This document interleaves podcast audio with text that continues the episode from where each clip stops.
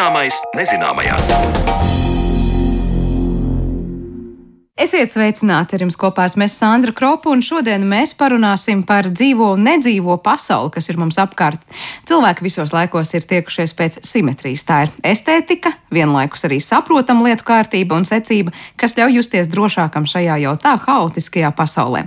Šodien raidījumā skaidrosim, vai simetrija ir kāda evolucionāra jēga, kāpēc tauriņa spārni ir simetriski un vai fizika patiesībā nav mācība par simetriju.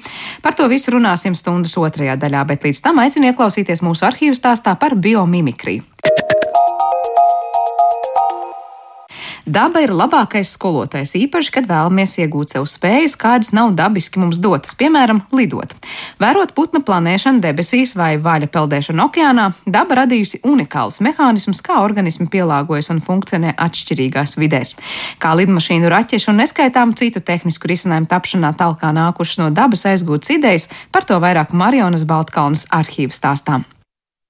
Daba visu laiku ir bijusi klāta un iedvesmojusi īstenībā cilvēku, parādot, ko vispār dabā var izdarīt. Jā, jo, ja mums nebūtu putnu, ja mums nebūtu zivju, vaļu un, un visādu dzīvnieku, mēs jau nevarētu pat iedomāties, ka ir iespējams lidot gaisā, ka ir iespējams ilgi būt zem ūdens, ļoti dziļi jau un ļoti ātri peldēt, ļoti ātri skriet. Tā kā man liekas, ka tas, kādā veidā cilvēks ir varējis to adaptēt sevi, ir tas, cik ātri tā zinātnē attīstīsies un tās tehnoloģiskās iespējas. Ja, jo sapņojuši jau ir visi, un tie sapņi pamazām līdz ar tehnoloģiskajām iespējām ir pamazām, pamazām ar vien piepildījušies. Tā sarunu iesāk Tukuma Raiņa ģimnāzijas fizikas skolotājs un izglītības portāla Fizmiks satura veidotājs Valdis Zuters. Atcaucoties viņa teiktajam par daudziem sapņotājiem senatnē, atminēsimies sengrieķu mitoloģisko varoni Ikaru, kurš vēlējies lidot gluži kā putns. Viņš patiešām pacēlies spārnos ar tēva Daidala izveidotajiem spārniem, taču tā kā Ikars pielidojis pārāk tuvu saulei, tad spārnu stiprinājuma materiāls - vasks, izkusis, spārni izjukuši un Ikars iekritis jūrā bet ir daudz veiksmīgu stāstu, ka dabā pastāvošas idejas varam aizņemties, lai radītu tehnoloģiskus brīnumus. Tas, kas neizdevās Ikaram, ir izdevies lidaparātiem, kuru izveidē iedvesma noteikti gūta putnu uzbūvē. Protams, to spējā pacelties gaisā un faktā, ka putniem ir viegli ar gaisa dobumiem pildīti kauli. Par lidošanu turpina Valdis Zuters. Manuprāt, jau pats vienkāršākais tas ir spārns. Tad var redzēt, ka tos spārnus kaut kā groza un tā viņi var gaisā vienkārši tā kā gan arī karāties uz vietas, ja, vai plivināt un tad lidot tālāk. Protams, ka spārns noteikti ir pirmais un īstenībā arī vieglums, ja, jo tas ir arī izaicinājums avio būvē um, uztaisīt pēc iespējas vieglāku, jo tajā brīdī mēs to varam padarīt arī ekonomiskāk. Protams, mēs varam pacelt gaisā arī smagu, kā mēs to redzam, arī mums raķetes iet augšā un tālu aizved arī cilvēkus, bet uh, tas ir ļoti, ļoti dārgi, ja, mēs gribam gan dabai draudzīgai, gan lētāk, līdz ar to mums vajag arī vieglāk. Jā. Bet, protams, ka ar putniem un lidmašīnām lidmašīnām, uzreiz arī var redzēt to problēmu. Ja, jo mēs, protams, ka ideju paņemam no putna, bet mēs gribam arī ātrāk to izdarīt. Ātrāk, efektīvāk, tālāk. Protams, ka tas kā putns šos spārnus vicina uz augšu, uz leju. Mēs, diemžēl, tādu mehānismu, lai ļoti, ļoti, ļoti ātri pārvietotos, nevarētu pārnest, ja, jo tad uzreiz tie visi savienojumi ļoti ātri būtu pagalam. Ja. Tā kā mums ir tā ideja jāpaņem, ka ir šis spārns, kas nodrošina šo iespēju lidot, ja, un tad ir jāstāsta, kādā veidā mēs varam iegūt to dzinēju spēku, ja, lai dabūtu tos priekšu, un tad jau sākas atkal skats uz citiem dzīvniekiem. Ja, un es teiktu, ka tur ir apvienojums, ja ka spārnu mēs paņemam piemēram no putna un tad skatāmies, piemēram, kaut kādā ūdenī ar kaut kādu reaktīvo kustību, kā kustās dzīvnieki, un tur iegūstam tās idejas, kā, kuras mēs varētu arī varbūt, tad, uh, realizēt, tad, kad mēs esam atmosfērā. Jā, un tad tā visu tā liekot kopā, varbūt pat īstenībā nenojaušot tiem, kas tās idejas rada, jo es domāju, ka zinātniekiem, inženieriem tā arī ir ka, ja viņi pašķitinā, tad īstenībā tās idejas kaut kur aizmetņi ir radušies uh, no kaut kādām idejām, ko viņi ir ieguvuši. Tā skaitā arī dabā un skatoties, kas notiek. Es tagad visu laiku savā acu priekšā iztēlojos lidmašīnu, kā lidmašīna paceļas un uh, nolaižas. Un tas jau iespējams arī ir kaut kā aizgūts no putniem. Putnu piezemēšanās arī ir ar tādu slīdošu efektu, nevis momentā bams uz zemes. nu, jā, nu, tur ir ļoti vienkārši fizika. Nu, arī saka, vai ātrums nogalina. Nu, īstenībā jau ātrums pamatā nenogalina, nogalina strauja apstāšanās. Ja? Un, ja mēs gribētu to, to kustību ļoti strauji apturēt, tad attiecīgi būtu pātrinājums, eh, kas nozīmē, ka uz cilvēku darbojas milzīgs spēks. Ja? Un, un jo īsākā laikā ir kaut kas jāaptur vai jāpātrina, jo lielāks spēks cilvēku darbojas. Tas ir tīri no fizikas un uh, drošības apsvērumiem, kāpēc tas nenotiek ātri. Bet, protams, ka to arī tehniski ir grūti izdarīt ātri, jā, bet uh, tur ir abas divas lietas, gan tehniski, gan arī cilvēki ir jāpasaudzē. Bet ar citu jūs pieminējāt raķetes. Raķetes man arī figurēja prātā, paga, bet m, tur arī kaut kāds uh, dzīvnieks ir pamatā, kas spēj tā ātri uzšauties gaisā. Raķetēm ir šī reaktīvā kustība, ka mums ir kaut kas ļoti strauji vienā virzienā jāizmet, un, mm. un attiecīgi notiek kustība pretējā virzienā. Tur šeit konkrēti dzīvnieki ir nosaukti grūti, bet man uzreiz pirmais nāk prātā kāda ūdens dzīvnieka, kas izšauj tādu ūdens trūklu vai ūdens uh, masu vienā virzienā un tādā veidā kustās pretēji. Tur varētu būt aizgūta šī ideja, vai arī nu, vienkārši patiesībā kaut ko uzpūšot. Mēs jau arī redzam, tur nevajag dabu un dzīvo pasauli, mēs kaut ko uzpūšam un palaidām vaļā un redzam, ka balons dēļ tās plūsmas sāk kustēties kaut kādā virzienā un tad mēs mēģinām to plūsmu dabūt pēc iespējas lielāku, un tad iegūstam kaut kāds sprākstošs process, ja, kur mēs redzam, ka tās gāzes ar lielāku ātrumu kustās, un tā pamazām pa solītim mēs nonākam līdz tam, ka, lūk, jā, mums ir raķeti, ir pirmie izmēģinājumi, un nu jau tas ir aizgājis jau ļoti augstā līmenī mm. tiešā un pārnestā nozīmē. Nu jā, un droši vien, tā, ka mēs runājam vispār par lidaparātiem, kas ir lidmašīnas, raķetes, helikopteri, te jau vēl varētu strīdēties, cik kura lieta ir daudz paņemta no putniem, cik kas no kukaiņiem. Mēs jau nevaram noliegt visus lidojošos mazos kustoņus, vai ne? Protams, bet nu, es domāju, ka tur arī nevajag iedziļināties Jā. sīkumos, lai tagad uh, pasludinātu, kurš tad ir tas mūsu iedvesmas avots. Es domāju, ka tur jāstāsta tā bilde ir kopumā. Mm. Kā jau arī saka, ka daba ir tā laboratorija, kas ilgāk darbojās uz Zemes, jā, kamēr cilvēki vēl ne tuvu nebija uz Zemes. Jā. Bija jau procesi, kuri sevi pilnveidoja, optimizēja, lai pielāgotos un darītu lietas ātrāk, efektīvāk. Jā, un tad pēc ļoti daudz miljardiem gadu atnāca cilvēks, jā, kurš gribēja īsā laikā izdarīt daudz. Izdarīja, bet tad saprata, ka blakus ir kaut kas kas dara to krietni efektīvāk, labāk un attiecīgi sāk aizgūt tās idejas tur. Jā, es domāju, ka no katra var kaut ko atrast, kādu detaļu, kas ir varbūt paņemta kaut, ko, kaut kur tālāk. Ja mēs tagad no tā gaisa nolaižamies ūdenī, ko jūs patiesībā jau pieminējāt, un es uzreiz domāju nu, par tādām zemūdenēm un visiem šiem smailajiem ūdens braucamiem rīkiem, kur arī pēta tās īpašības, kas var labāk atspērties, kas var ātrāk peldēt. Tur jau droši vien arī ir kaut kas pamatā, vai ne? Nu, ne jau arī viens organisms. Nu, mēs arī varam iemest kaut ko ūdenī, kādu muci, jā, aiztaisīt cieti, ielaist ūdeni, skatīties, kā tur grimst, jā, un domāt, kā varbūt to padarīt to procesu, lai atkal uzpeldētu augšā.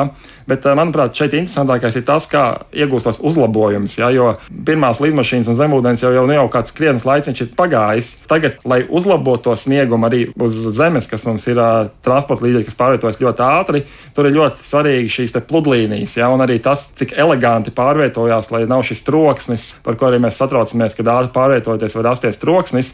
Tur tajos, nu, jau jāsaka, tā kā sīkumos, tā kā augstākajā līmenī jau sāk uh, tur kopēt, jo dabai tur ir ļoti daudz piemēru kā var piemēram, par 10% efektīvāk, par 15% efektīvāk kaut ko izdarīt.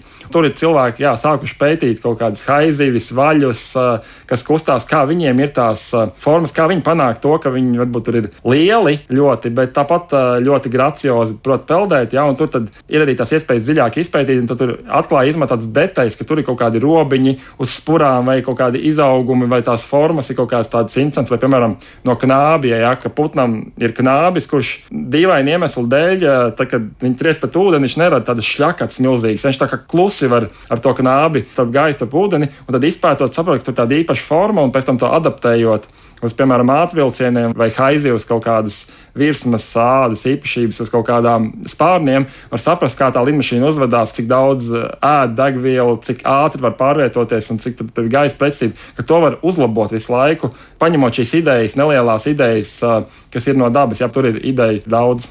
Piemēram, viens no aizguvumiem ir arī koferzivs.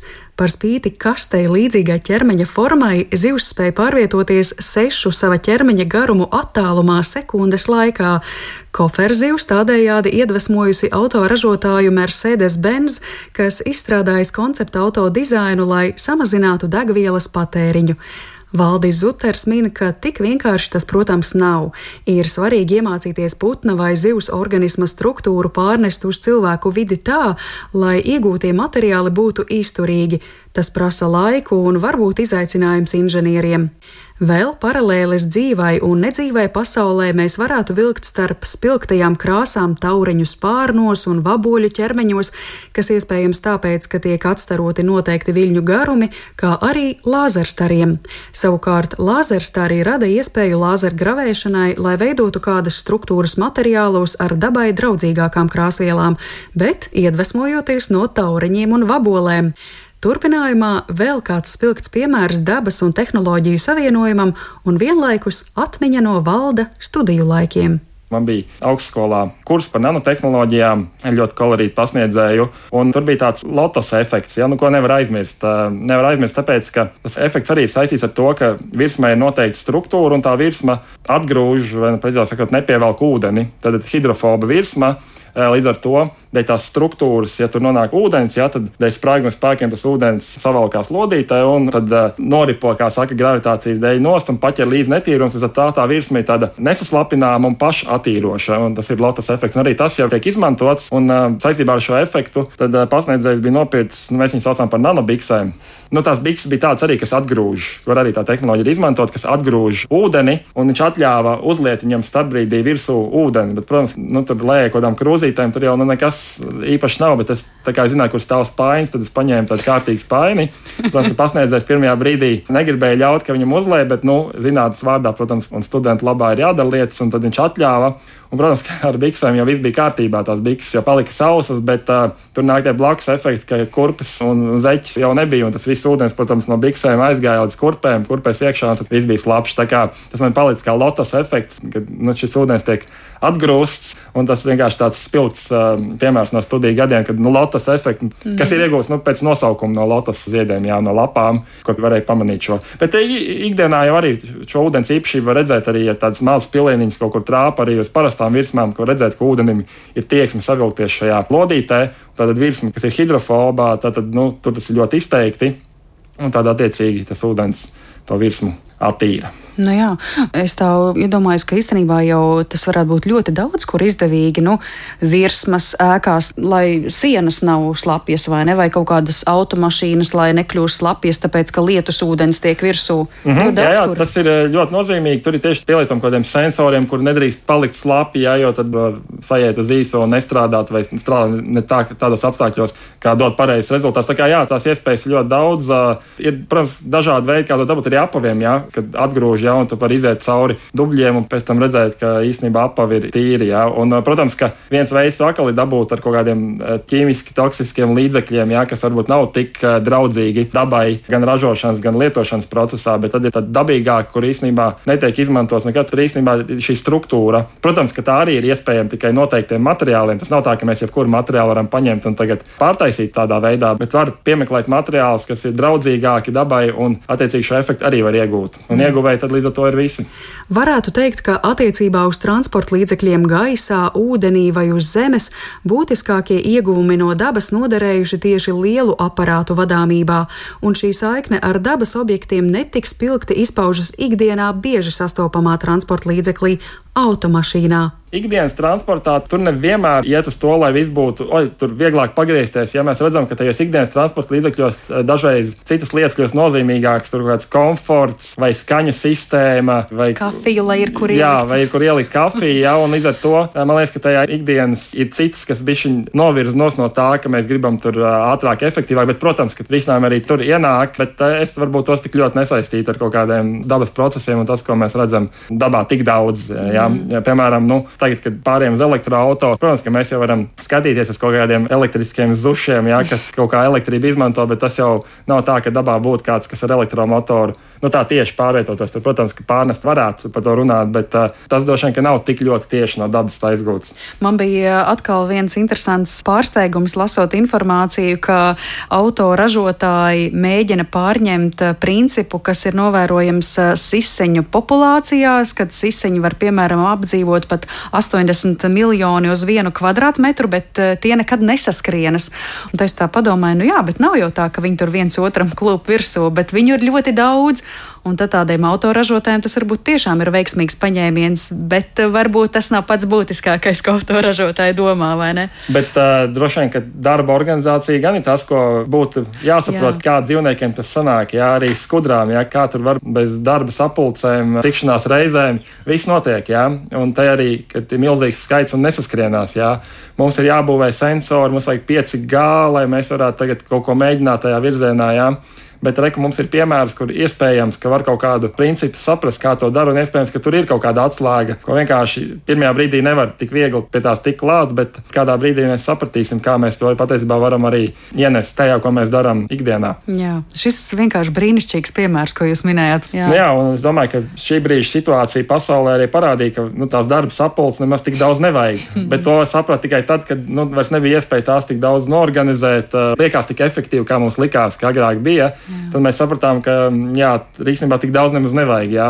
Mēs paši dabūjām kaut kādu mācību, ka vienkārši vajag pamēģināt kādreiz arī kaut ko citu. Viņiem sapulču nav, kā viņi to panāk, jā, kur notiek tas viss process.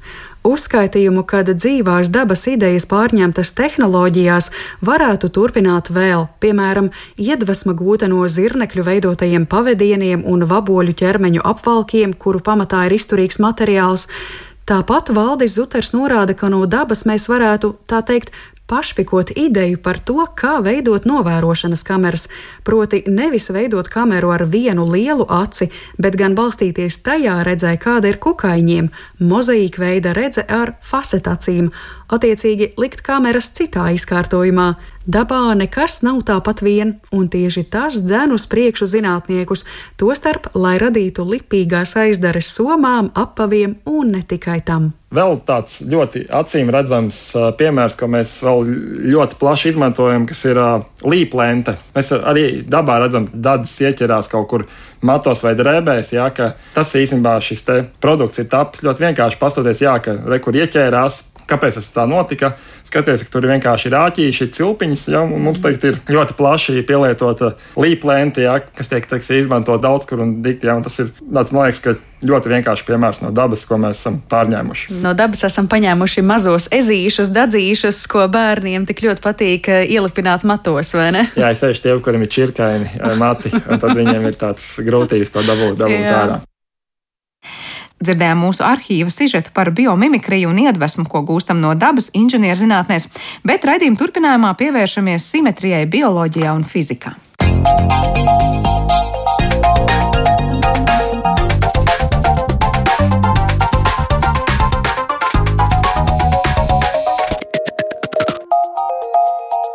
Zināmais nezināmajā. Simetrija cilvēka acīs šķiet loģiska, saprotama un skaista. Pēc tās tiecamies gan mākslā un arhitektūrā, gan arī savā iekšējā pasaulē, jo simetrija mums apliecina kārtību un iepriekš paredzamību. Taču kāpēc dabā ir manāma tieksme pēc simetrijas? Turpmākajās minūtēs iepazīsim simetrijas nozīmi gan bioloģijā un evolūcijā, gan lūkosim, kādas simetrijas izpausmes meklējums daļiņu fizikā. Un tieši tāpēc es studijās veicu Tartu Universitātes profesoru un Latvijas Universitātes asociēto profesoru biologu Indriķu Kramu. Labdien! Labdien! Kā arī Latvijas Universitātes profesora fiziķa Mārcis Auziņš. Sveicināti! Labdien!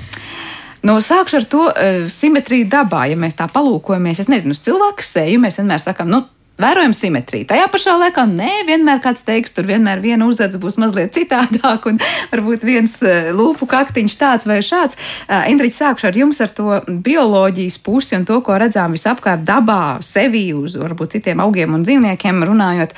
Uh, mums vairāk tad ir tā simetrija vai novirza no simetrijas? Abas. Būtībā būtu jāsāk ar profesoru Auziņu, tāpēc ka esmu viens no tiem biologiem, kas uzskata, ka, ka bioloģija ir daļiņa no fizikas. Ja, tāpēc var, varētu sākt arī vispārīgi, jo es atceros, ka bija kaut kāds no fizikiem, Nobela prēmijas laureāts, pa laikam Andersons, kurš bija definējis, ka ka fizika īstenībā ir zinātne par simetriju. uh, nu, es pieļauju, ka tālāk mums sekos. Uh, Mārcis būs ko teikt. Sīkāk skaidrojums par šo visu, jo tur, tur ir ko, ko runāt. Bioloģijā ir par to jautājumu, tad simetrija vai, vai, vai asimetrija.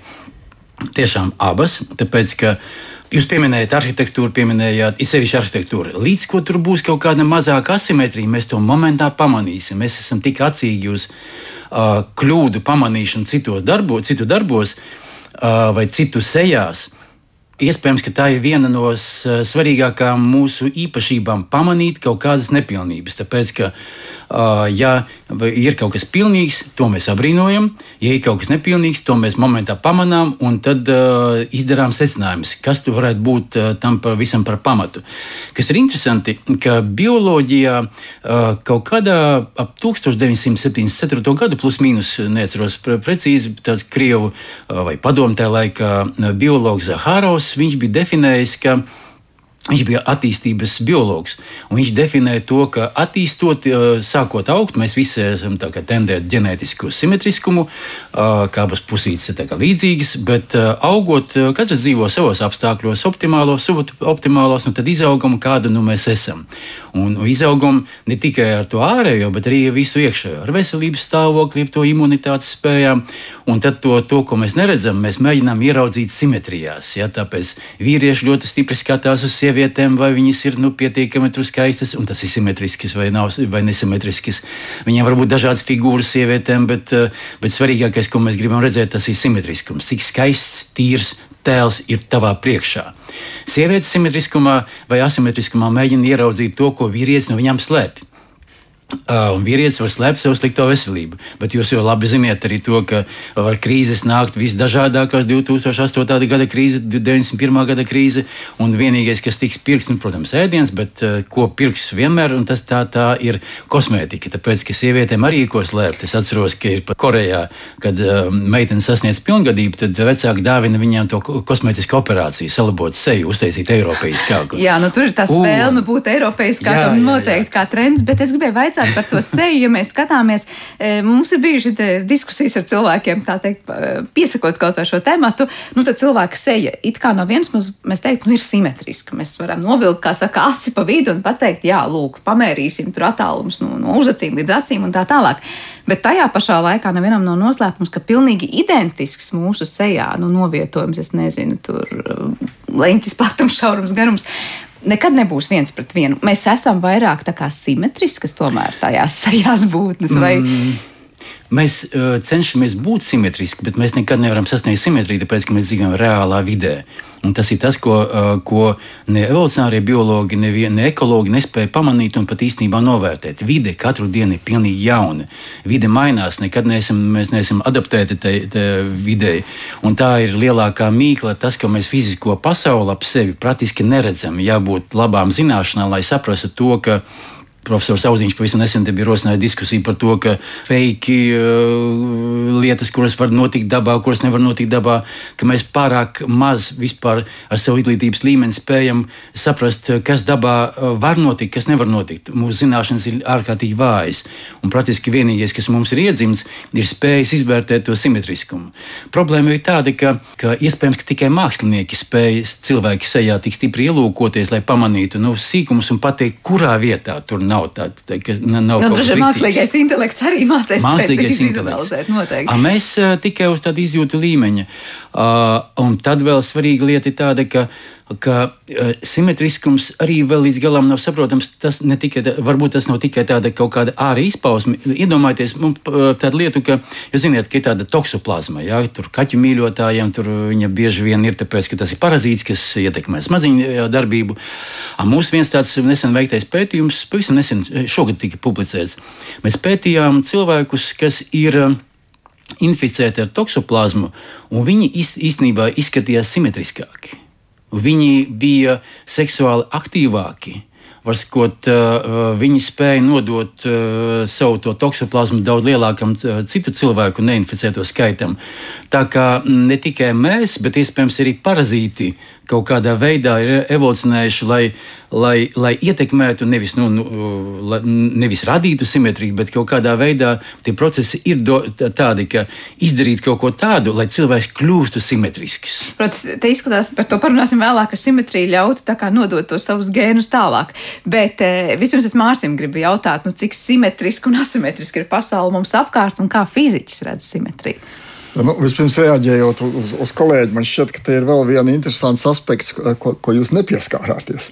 Ka tad, kad mēs runājam, vai mēs esam simetriski vai nē, mums ir labā un kreisā roka. Ļoti dažādi mēs viņus darbinām. Varbūt arī ne vizuāli. Es nezinu, vai biologi piekrīt, ka sirds patiešām ir kreisajā pusē, bet šķiet, ka viņi tomēr ir vairāk uz vieniem sāniem nobīdīti.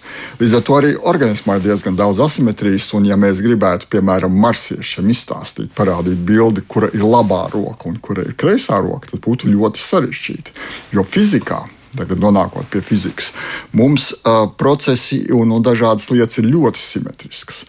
Un uz to var skatīties varbūt arī tā samērā no, no tādām globālām pozīcijām. Jo uh, mēs gribam, lai pasaulē būtu kaut kāda struktūra, kaut kāda kārtība, lai lietas notiktu vienmēr vienā un tādā pašā veidā. Un, ja mēs to mēģinām tādās simetrijas kategorijās analizēt, tad patiesībā tas lielā mērā asociēsies ar, ar simetriju. Un fiziķi patiešām vienmēr meklē pasaulē simetriju. Un, ja mēs sākam ar šo labo un kreiso pusi, tas patiesībā ir mūsu attēls spogulī, piemēram vai labā puse ir vienāda ar kreiso pusi. Tad fiziķi domā, ka ļoti daudzām, daudzām parādībām mums nav iespējams atšķirt, tad, kad es viņus novēroju, vai tas ir spoguļattēls, vai es to redzu spogulī, vai tas ir spoguļs šī pusē. Bet ir vesela rinda interesantu parādību fizikā, kas spogulī notiek citādi kā spoguļs šī pusē. Un tad, protams, fiziķi iet tālāk un saka, kas notiks uh, laiku, ja es pagriezīšu atpakaļ vai procesi ir simetriski laikā, vai dabas likumi laikā nemainās. Un, un, burtiski pēdējos desmit, tagad jau 20 gadus, ir zināmi, kā lai to saka, mājiņi, kas varbūt vēl nav līdz galam pārbaudīti. Ka iespējams, ka dabas likumi miljardu gadu periodā mainās ka dabas likumi šodien un dabas likumi dažus miljardus gadus atpakaļ, tuvāk visuma sākumam, bija nedaudz citādi. Tas, protams, prasītu garāku skaidrojumu, ko nozīmē izmainīties fizikas likumam. Bet, bet īsos vārdos var pateikt ļoti vienkārši. Jo mums, mums šķiet, ka mēs par dabu gandrīz visu zinām fizikā. Ja mēs tā nopietni padomājam, ko mēs zinām, ko mēs nezinām, Viens no aspektiem ir tāds, ka mums ir uh, lietas, ko mēs saucam par fundamentālām konstantēm. Tur ir elektrona lādiņš, Planka konstante, vēl vesela rinda konstanču, kas patiesībā nav nekas cits kā piedzīšanas parametri. Mēs uzrakstām vienādojumu, viņš īsti neapraksta dabu. Un tad mēs sakām, nu tad mēs dažus skaitļus piemeklēsim, parametrus piemeklēsim, skaitliskās vērtības piemeklēsim, nu, lai tas atbilstu mana teorija, atbilstu tam, kas dabā notiek. Tad ir jautājums, vai uh, elektrona lādiņš miljardu gadu atpakaļ mums ir pamats apgalvot, ka viņš bija tieši tāds pats. Nu, ja es uzdodu šo jautājumu, pirmā brīdī varētu likties paraustīt plecu, nu, bet kā citādi. Elektrons ir elektrons. Miljardus gadu atpakaļ elektrons bija tāds pats elektrons. Bet fiziķiem šobrīd ir um, pamats vismaz uzdot jautājumu, vai, vai šis ir dzelžaini uh, pierādāms fakts.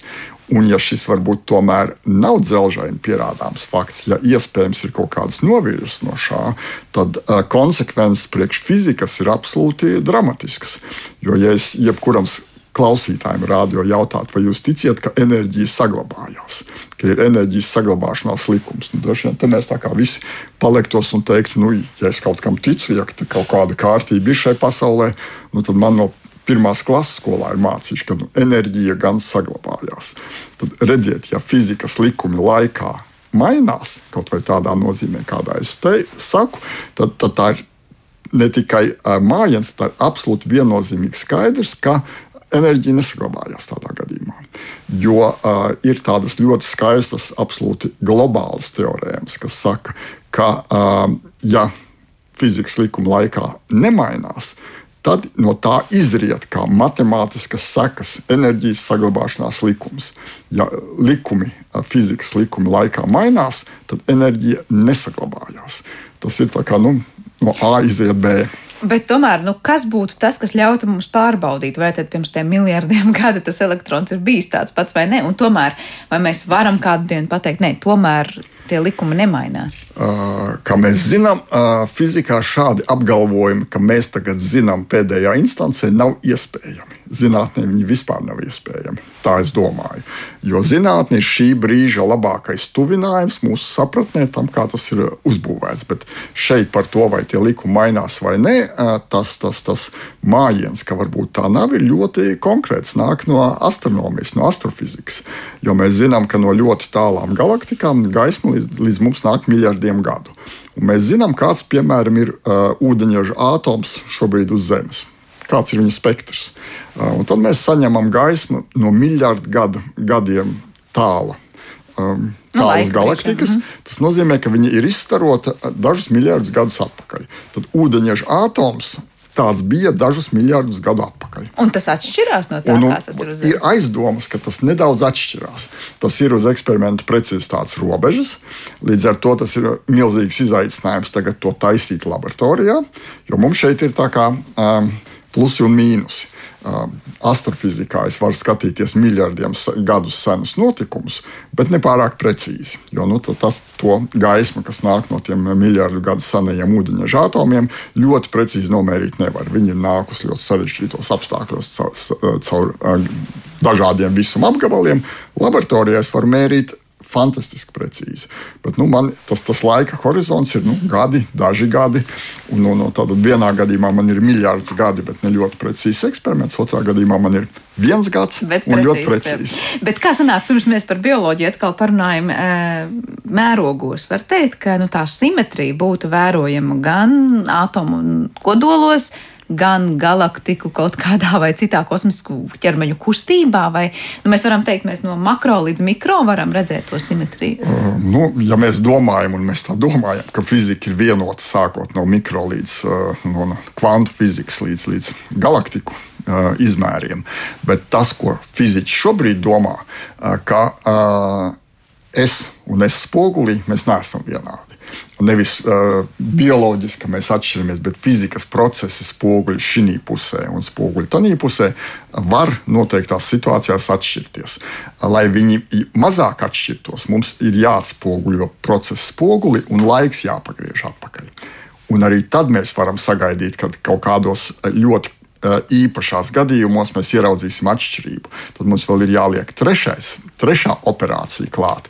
Mēs atspoguļojam spogulī, pagriežam laiku atpakaļ un daļiņas apmainām ar antidaļiņām. Un tad uh, process ir pie šādas transformācijas, pie šādas simetrijas operācijas, fiziķi to tā sauc, uh, tad, tad, tad uh, pasaule ir vienāda, ja mēs skatāmies spogulī, pagriežam laiku atpakaļ un daļiņas nomainām ar antidaļiņām, un reālā pasaule, kurā mēs šeit dzīvojam, kurā laiks iet tā, kā viņš iet, spogulis no, priekšā nav nolikts, un, un, un, un, un daļiņas ir daļiņas.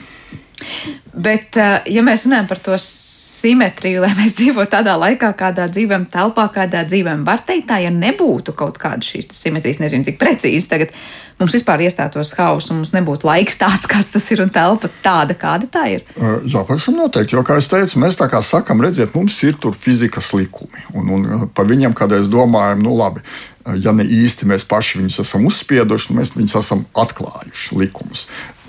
Man liekas, ka par to var domāt nedaudz vēl, uh, vispārīgāk. Mēs sakām, ka, ka pasaulē ir noteikta kārtība fiziskā pasaulē. Tad, kad es palaidu akmeni vaļā, es esmu pārliecināts, ka viņš vienmēr kritīs vertikāli uz leju. Un ka vienā dienā viņam neienāks prātā lidot pa labi no, no manis. Uh, ja es šo saku, ka ir struktūra, ir kārtība, tad, ja ir kārtība, tas nozīmē, ka kaut kas ir sakārtots, ka parādās simetrija automātiski. Jebkurai kārtībai viņi var skatīties uz viņu arī kā uz simetriju. Un, ja šos struktūru mēs sakām, ka tas, ko cilvēks var, vai, vai vismaz iedomājās, ka var apjēgt šo struktūru, saprast, kāda ir tā pasaule, kāda ir viņas struktūra. Un tad, protams, lai ekonomētu savu domāšanu, tā fizika kādreiz domā, mēs to pierakstām vienkāršu formulu, likumu veidā un sakam, redziet, šis ir likums. Bet patiesībā tas ir tā struktūra, tā kārtība, ko mēs esam pasaulē ieraudzījuši. Un viņa ir simetriska par Indriču jūsu virzienā skatos. Nezinu, vai jums ir kas komentējums pēc laika un telpas simetrijas un šiem te fizikas likumiem. Man savukārt ir jautājums par to, kā nu, bioloģiski mēs varam ieraudzīt, var teikt, nu, te ir tāds nodro, eh, pamatojums, nezinu, vai tas, kas nodrošina, ka simetrija saglabājas, vai simetrija tiek nodota no paudzes paudzē, vai simetrija patiesībā ir veids, kas padara iespējam tas, ka, nezinu, pēcnācējs ir līdzīgs, nu, tā teikt, saviem vecākiem, nevis pēkšņi pilnīgi no jauna daba sāk domāt, kādam tam cilvēkam būtu jāizskatās. Šis ir labs jautājums. Tā ziņā, ka profesors pieminēja uzvedību, nu, var skot to, to, ka labā roka, kreisā roka, kreisā puse, labā puse. Redziet, kāda lieta ir, ka mēs gribam, lai mēs būtu vienādi, lai mēs domātu vienādi. Teiksim, te, pat, pat Ukraiņas karā jautājumā, tur, ja kāds cits domā savādā, tad mēs esam jau uzreiz uztraukti, mums tas nepatīk un dažādi viedokļi. A, ir tāda lieta, ka tad, kad mēs visi uzvedamies vienādi, Mums tādu situāciju īstenībā nevajag. Mums vajag, lai būtu dažādība, jo tad uh, būs no kā izvēlēties evolūcija. Jo pretējā gadījumā nu, tas ir kaut kas notiksies, atnāks kaut kāda evolucionāra faktori, un mēs visi tie, kas būs ļoti stipri vienādi un ļoti adaptēti jaunajos apstākļos, ar vidi mainās ļoti stipri. Mēs visi varam aiziet bojā, un nekā vairs nebūs. To, ko mēs redzam savos pētījumos, jau Latvijas universitātē, ko mēs veicam, mēs pētām. Uh, personības, ja personalitātes, nu, ne tikai nu, tas ir zināms cilvēkiem, ka var būt melanholiski cilvēki, var būt tur, um, histēriski un tur, holēriski un tā tālāk. Doma ir tāda, ka, ka personība, ko mēs varam labroči, kreisroči, un tieši tāpat tās ir ar dzīvniekiem. Līdz pat drozofilu līmenim, līdz pat droši vien kaut kāda citā, citādu kukaiņu līmenim. Un ir, to mēs varam konstatēt, tad, kad mēs izpētām ļoti daudzu kukaiņu uzvedību, uh, viņu pagriezienu uzvedību kaut kādos labirintos. Tad mums jāpēta ne tikai simtiem kukaiņu, bet mums jāpēta viņu simtiem uh, to uzvedības, to, to izpausmju veidi. Un tas, ko mēs redzam, aizvien vairāk un vairāk, ka tad, kad, uh, kad ja visi ir vienādi, tad vi, nu, ka, uh, ka ir, uh, ja apstākļi ir līdzīgi, nu, laboratorijā mēs varam nu, radīt plus-mínus līdzīgus apstākļus. Ap, uh, dzīvnieku personalitātes, ja personības nekur nepazūd, tās rada uh, smadzeņu darbība kā tāda. Smadzenes ir izveidojušās, un smadzenes eh, tādas, ka viņam augot, un ģenētiski viņi arī var būt līdzīgi. Varskot, viņi ģenētiski līdzīgi, apstākļi līdzīgi, uzvedība vienalga var būt eh, atšķirīga. Tā tiek ģenerēta nu, dzīvības procesiem pastāvot.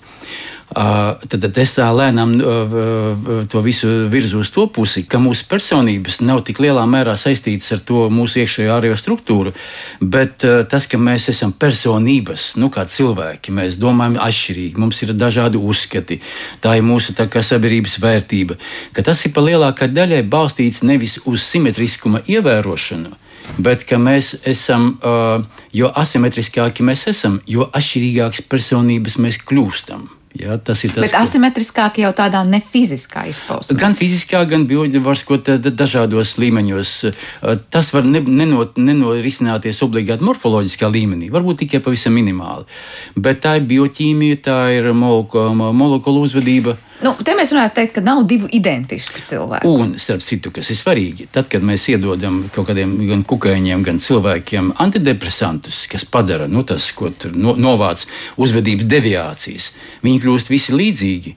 Un pēc būtības es varu sākt apgalvot to, ka nu, tāds, mm, tāds bezbailīgs tāds apgalvojums, ka piemēram antidepresanti nogalina personību, bet palielina simetriju. Ja par to fizisko vēl simetriju runājot, es mazliet jau ietvēru to savā uh, jautājumā. Uh, kā īsti sanāk, nu, piemēram, tad, kad cilvēki rada pēcnācējus, mēs zinām, ka bērns nu, ir vai nu līdzīgāks mammai vai tētim vai kā citādi.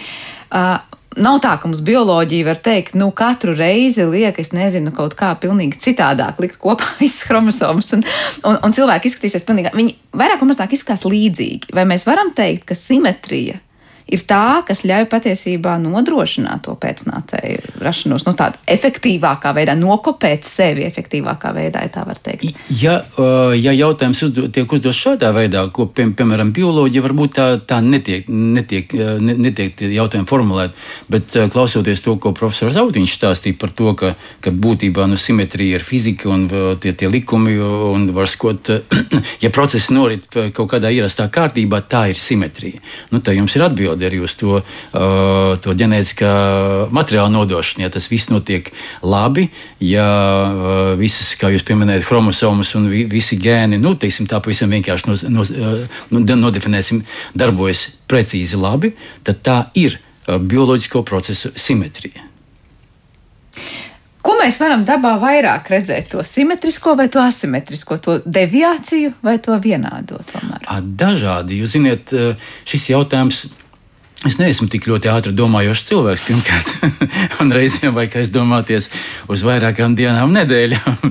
Um, es, nu, noteikti, bet ja tas ir, ja man būtu jāatbild ātri, tad es teiktu, pirmkārt, nezinu, Otrkārt, uh, ir tā, ka, mm, ka uh, noteikti atbildēt arī to, ka abi uh, pārsvarā, protams, ir simetrija, bet tajā mēs iegūdām milzīgi daudz enerģijas. Tie, lai simetrija, lai, lai, lai, lai procesi kārtīgi strādātu, uh, tiek ieguldīts ļoti daudz bioloģisko procesu kārtības uzturēšanā. Tieši tāpat kā iespējams arī kaut kādu arhitektūrā. Ja tu to māju regulāri nekrāsos un um, neremontēsi, jums sašķiepsies un simetrija zudīs jau praktiski. Bet runājot, es tur tauriņu spārni, piemēram, nu, kur liekas tāda simetrijas piemēra, vai sniega pārsliņas, jā, kas mums parasti asociējas ar tādiem nu, izteiktiem simetrijas piemēriem. Uh, cilvēkiem parasti patīk dabā meklēt kaut kur, lūk, skatāmies, dalam un atkal, dalam un atkal ir skaisti un, un simetriski. Uh, kas nodrošina nodrošina dabā to simetriju? Nu, piemēram, lai tie tauriņu spārni būtu tādi, kādi tie ir. Um, jā, tas ir pa, praktiski par tautu, tad, tad uh, jautājums par tauriņu spārniem, par pāva asti. Par, uh, par lastīgā skaisto dziesmu. Um, tās ir lietas, kas ir skaistas. Un skaistums tas, um, tas prasa milzīgu piepūli, ļoti lielu enerģijas, kas saka, ja, um, uh, ja tā ir fizi, nevis tik, tik daudz fiziskā pasaule, bet tā pasaule, kur nosaka dzimuma atlase, dabiskā atlase. Um, uh, jo, uh, piemēram, ja es īstenībā neviens laikam nav veicis pētījumu piemēram, par tādām lietām, ka dzīvniekiem arī pastāv labroči, kreisroči, un vai viņi labāk izdzīvo tad, kad uzbrūk plēsējs, vai tad izdzīvo tad, kad tevi, tu esi simetrisks. Bēgot projām, tur izmantot abas divas puses, vai arī, piemēram, pie starta brīdī tu, tev tomēr viena kāja vai roka vai plezna ir ātrāk nekā otra. Tā kā šādi, uz, šādiem, uz šādu jautājumu, būtu, lai atbildētu korekti, būtu jāveic pētījumi. Šādiem pētījumiem mēs tuvojamies. Ja, un kā, un tas ir ļoti tā, simboliski, ka jūs man uzdodat jautājumu par to, par kuru es pavisam nesen biju iedomājies, ka būtu un izpētīju literatūru, a nekā tāda atrast nevar. Jā, varbūt Mārcis ir kāds komentārs. Es domāju, ka ir modulēts kaut kas un modelēts kaut kas. Jūs sākāt to, to simetrisko dažādu objektu aprakstu ar sniegtu sniegpārsliņām. Es domāju, ka ar sniegpārsliņām ir patiesībā samērā vienkārši. Jo visām sniegpārsliņām ir šī sešu galu struktūra. Līdz ar to pagriežot pa 60 grādiem, viņa, viņa kļūst pati par sevi. Tā ir saistīta vienkārši ar molekulu uzbūvi, ar molekulu simetriju un arī ar vēl vienu interesantu lietu, ar kādām figūrām es varu noklāt plakni bez spraugām, ja tā var teikt. Ar trīs stūriem, no kuriem beigās es varu uztaisīt šos sešus stūrus, to var izdarīt. Un es domāju, ka tad, kad mēs ejam šī te. Um, ķīmiskajā, tālāk bioloģiskā evolūcijā uz augšu, nonākot pie simetrijas, nezinu, tauriņa spārnu. Tad viņi rakstā or, organismu simetrijā. Es domāju, ka patiesībā apakšā tur visur ir šīs primārās simetrijas, kas ir uh, fizikas pasaulē. Tas, kur man liekas, radās. Uh, Priekš manis vismaz pārāvums, un kur man nav atbildžu, un neviens nav varējis uz maniem jautājumiem atbildēt, ir tas, ko jūs teicāt pirms mirkļa, ka šī te, um, asimetrija rada mūsu personības, tādēļ mēs esam atšķirīgi, uh, un tādēļ ir, ir evolūcija, un iespējams, ka var teikt, tādēļ mums ir interesanti dzīvot, jo tādēļ mēs satiekam neordinārus cilvēkus un tā tālāk. Un šeit, ja mēs skatāmies un domājam, ka mums ir fizikas likumi, kur viss ir viennozīmīgi skaidrs, tad mēs ejam uz augšu un nekur uh, tā neviennozīmība neparādās.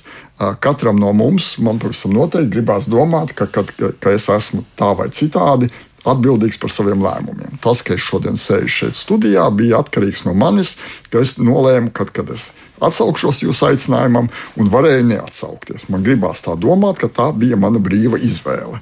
Un no tās fizikas uz bioloģiju un pēc tam uz apzinātu uh, rīcību un to brīvo izvēli, uh, patiesībā mums nav redzams, kurā brīdī viņa varēja rasties. Jo, ja viss ir fizikas likumi, tikai aizvien būvēta trepīta uz augšu, tad varētu teikt, tad, kad lielais sprādziens notika, tad tur bija jau zvaigznēs ierakstīts, ka mēs šodien šeit sēdēsim. Bija skaidrs, ko jūs mums jautāsiet, bija skaidrs, ko mēs atbildēsim, jo atomi tā kustējās. Nu, šādi domāt, es domāju, ka nu, 99% cilvēku negribās. Lai gan es esmu sastapis cilvēks, kurš saka, ne, protams, ka tā ir. Tā bija rakstīts zvaigznē. nu, jā, protams, es domāju, ka absolūtais vairākums teiks, tā bija mūsu izvēle un patiesībā šī saruna varēja nenotikt. Bet jautājums, kur viņa radās, kurā brīdī bija tā iespēja man ietekmēt to, to dabu ar savu apziņu, ar savu prātu. Droši vien līdz pat pēdējiem brīdim atnākot uz studiju, vai ne? Jautājums, kad mēs viņu pieslēdzam un cik daudz mēs varam izmainīt. Ne, tas, protams, kurā brīdī es pieņēmu lēmumu, un te atkal biologi un, un psihologi var ļoti interesanti. Šeit ir interesanti pētījumi, ka iespējams mēs pieņēmām lēmumu, pirms es saprotu, ka es to lēmumu esmu pieņēmis. Bet tā ir pavisam cita tēma. Tas, ko es gribēju teikt, ir tas, ka ja uh, visa mūsu uh, darbība ir tikai atomu kustība aizvien sarežģītākā līmenī, nu tad atomu, atomam nav tās brīvās gribas. Atoms nevar izdomāt, kā viņš kustēsies. Kā viņam fizika lika kustēties, tā viņš kustēsies. Un tad tāda kustās molekulas, un tad galu galā lielas molekulas mūsu smadzenēs kustās tā, kā fizika liek, un kurā brīdī tad es tā kā varēju teikt, ka Ka tomēr nē. Ka, ka tomēr es nolemšu, kā viņas kustēsies. Es vēl noslēdzošu šo sarunu, gribēju prasīt, kas ir tas, kas izjauc simetriju. Mēs šodien runājam par simetriju, bet kas ir tas, kāpēc rodas tā asimetrija vai rodas tā novirze no kaut kādas normas, vai tas ir, nezinu, brīvās gribas jautājums, un kā mēs esam, atoms nekustēsies tā, kā izdomās, bet tomēr vai tā ir nejaušība, kas rada asimetriju, vai tā ir kaut kāda nepilnība, kas rada asimetriju pēdējā laikā aizvien vairāk interesē uzvedība un tas, tas ko tie ķieģelīši, kas, kas ir tie elementāri daļiņas tajā, tajā virzienā. Uh, tur mēs saskaramies ar to, ka nervu sistēma pat pa sevi darbojoties, viņa ģenerē kaut kādu to atomu kustību, kaut kādu, ne, ne, ne jau es atomu kustību pētu, protams, bet, bet uh, notiek kaut kādi uh, sistēmas, pašas sistēmas uzturēšanas kaut kādi procesi, uh, kas, uh, kas paši par sevi jau pie kaut kāda rezultāta noved. Uh, vēl viena lieta ir tāda, ka mēs tik ļoti reti tad, nu, domājam par to, ka ah, es to izlēmu, viņš izlēma, vai tur kaut kāds prezidents pateica runu kaut ko tādu, un viņš izlēma. Mēs ļoti reti domājam par procesiem, kas notiek ap mums, ieskaitot arī bioloģiskos procesus, sistēmu teorijas ietveros. Īstenībā ne jau nu, mēs kā tādi, nu, liekas, es atbraucu ar riteni pāri domu laukumam, ļoti jauki, domas bija, spīdēja saule un tā tālāk, bet es biju tās visas sistēmas ietvaros tas viss, kas šeit ir, arī uh, iespējams, ka es kaut kādā veidā kaut ko ietekmēju, bet tā visa tā vide ietekmēja mani. Un man nervu sistēma jau pati par sevi, atrodoties šeit, darbojas pavisam savādāk nekā es būtu atradies kaut kur citur. Man šķiet, ka šeit ir uh, kaut kāda tāda uh, paša struktūras iniciēta darbība var radīt nu, turpmāku iešanu uz lielāku simetriju, vai taisnība otrādi uz kaut kādu asimetriju. Vai tas ir cikliski, vai tas ir kaut kāda diennakts ritma ietekmē, vai tas ir vēl kaut kāda lieta ietekmē, bet tās ir sistēmas. Mēs esam, nu, mums ir diennakts, mums ir diena. Ritmu sistēma, jā, ritmi, jā, dažādi. Daudz, jā. Tā kā man šķiet, ka te mums patiešām daudz vairāk jāiedomājas par to, ka mēs esam daļiņi no sistēmas. Uh, kurā brīdī, kā profesors teica, notiek tie fizikas tie pārāvumi, kad tur nu, veidojas tur tās visas tās, ka tu tad, tad, Sniegpārsliņu pagriežot pa 60 grādiem, viņi vienalga paliek pa, pa, pa, pa sniegpārsliņu. Tad, kas saka, ka tur struktūras var aizpildīt kaut kādu telpu vai nevar aizpildīt kaut kādu telpu. Tas viss tā ir. Un kur, kurā brīdī rodas uh, kaut kādi pārāvumi? Pārāvumi iespējams rodas tajā brīdī, kad rodas kaut kāda jauna struktūra. Un struktūra pat pa sevi jau dzīvo, eksistē un rada kaut kādu, um, kaut kādu iespēju darboties uh, ne tā, kā mēs to paredzētu no, no, no kaut kāda sākotnējā to, to elementāro ķieģelīšu viedokļa. Mm -hmm. Mārcis, vai mums būs noslēdzošais vārds par to simetriju un asimetriju, kur kas rodas? Es domāju, ka fizikā, nu, ja mēs tagad nerunājam vairs par tām ļoti augstajām simetrijām, bet vienkārši materiālo pasauli mums apkārt, kristāli. Nu, kaut kas, kas ir ļoti simetrisks, absolūti struktūra, kas at, at, atkārtojas pa labi, pa kreisi, uh, bezgalīgi tālu viena un tā pati. Un tad kristālam augot, pēkšņi vienā vietā radās defekts. Piemēram, vien, viena, viens atoms trūkst tur, kur viņam būtu jābūt, ir tukša vieta. Vai tajā vietā ir iebūvējies kāds atoms, kas tur neiedarās. Šādā veidā mēs sakām, ka kristāla simetrija tiek salauzta. Tā kā mēs runājam, ka, ka asimetrija varbūt rada interesantus cilvēkus, tad es gribētu teikt, šeit šie te, uh, defekti kristālos patiesībā ir kaut kas, kas, kas rada gan jaunas tehnoloģijas, jaunus pielietojumus. Manā laboratorijā mēs pētām dimanta kristālu, kurā pēkšņi dažu oglekļa atomu dažos režģos pietrūkst. Izrādās, ka mēs varam uztaisīt fantastiski precīzus magnetometrus, kas ir vajadzīgs kosmosa aģentūrai Eiropas, kas ir vajadzīgs citiem dažiem pasūtītājiem. Tā kā tajā brīdī, kad tā simetrija pēkšņi ir pazudusi, spontāni ir salauzta, tad brīdī sākās interesantā dzīve. Jā, un rodas kas jauns un redz, kā ļoti, ļoti pielietams.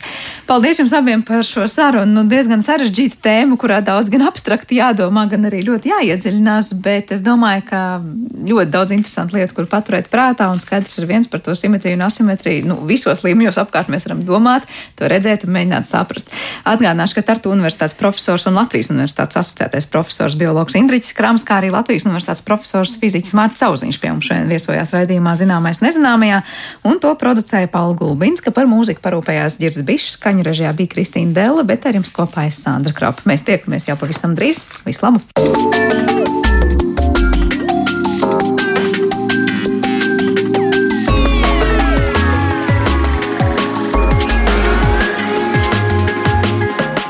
Zināmais nezināmajā.